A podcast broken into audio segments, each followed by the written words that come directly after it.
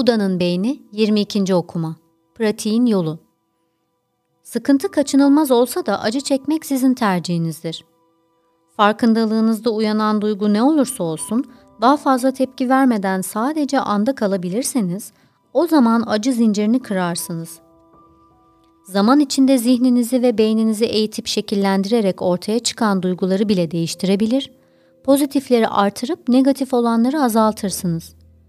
Bu süreç içinde gerçek özünüzde bulunan ve gittikçe artan bir huzur ve berraklık hissine yerleşebilir, bundan beslenebilirsiniz.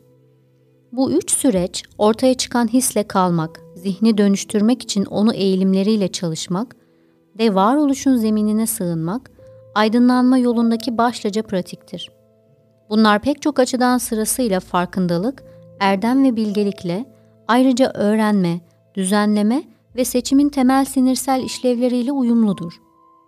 Aydınlanma yolunuzda farklı sorunlarla baş ettikçe büyümenin şu aşamalarıyla tekrar tekrar karşılaşacaksınız. Birinci aşama İkinci lok tepkisine yakalandınız ve bunu fark etmediniz bile. Eşiniz eve gelirken süt almayı unutmuş, siz de tepkinizin abartılı olduğunu fark etmeden öfkeyle söyleniyorsunuz. İkinci aşama Genel anlamıyla açgözlülük ve nefret tuzağına düştüğünüzü fark ediyorsunuz ancak elinizden bir şey gelmiyor. İçten içe kıvransanız da süt yüzünden söylenmenize engel olamıyorsunuz. Üçüncü aşama İçinizde bir parça tepki doğsa da bunu dışa vurmuyorsunuz. Rahat olsanız dahi kendinize, eşinizin zaten sizin için pek çok fedakarlık yaptığını ve huysuzluk etmenin işleri ancak kötüleştireceğini hatırlatıyorsunuz. Dördüncü aşama. İçinizde bir tepki dahi doğmuyor. Hatta bazen bir mesele olduğunu bile unutuyorsunuz. Süt olmadığını kabulleniyor ve eşinizle birlikte o durumda yapılması gereken şeyi sakince düşünüyorsunuz. Eğitim alanında bunlar kısaca şöyle tanımlanır.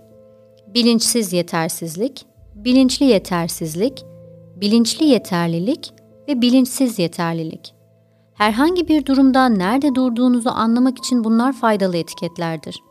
En zoru ikinci aşamadır ve genellikle burada vazgeçmek istersiniz. Bu yüzden üçüncü ve dördüncü aşamaları hedefleyerek devam etmek önemlidir. Çünkü devam ettikçe sonunda amacınıza erişeceksiniz. Eski yapıları silmek ve yenilerini oluşturmak çaba ve zaman ister. Ben buna küçük şeyler kanunu diyorum. Her ne kadar açgözlülük, nefret ve yanılsamayla geçen küçük anlar zihninizde ve beyninizde acı izleri bıraksa da, pratik edilen küçük anlar da bu üç zehrin ve onların sebep olduğu acının yerine mutluluk, sevgi ve bilgeliği koyacaktır. Durumun genelini epeyce açıkladık ve acının evrimsel kökenleriyle sinirsel sebeplerini inceledik. Şimdi de kitabın kalan kısmında bunun nasıl sonlandıracağımıza bakalım.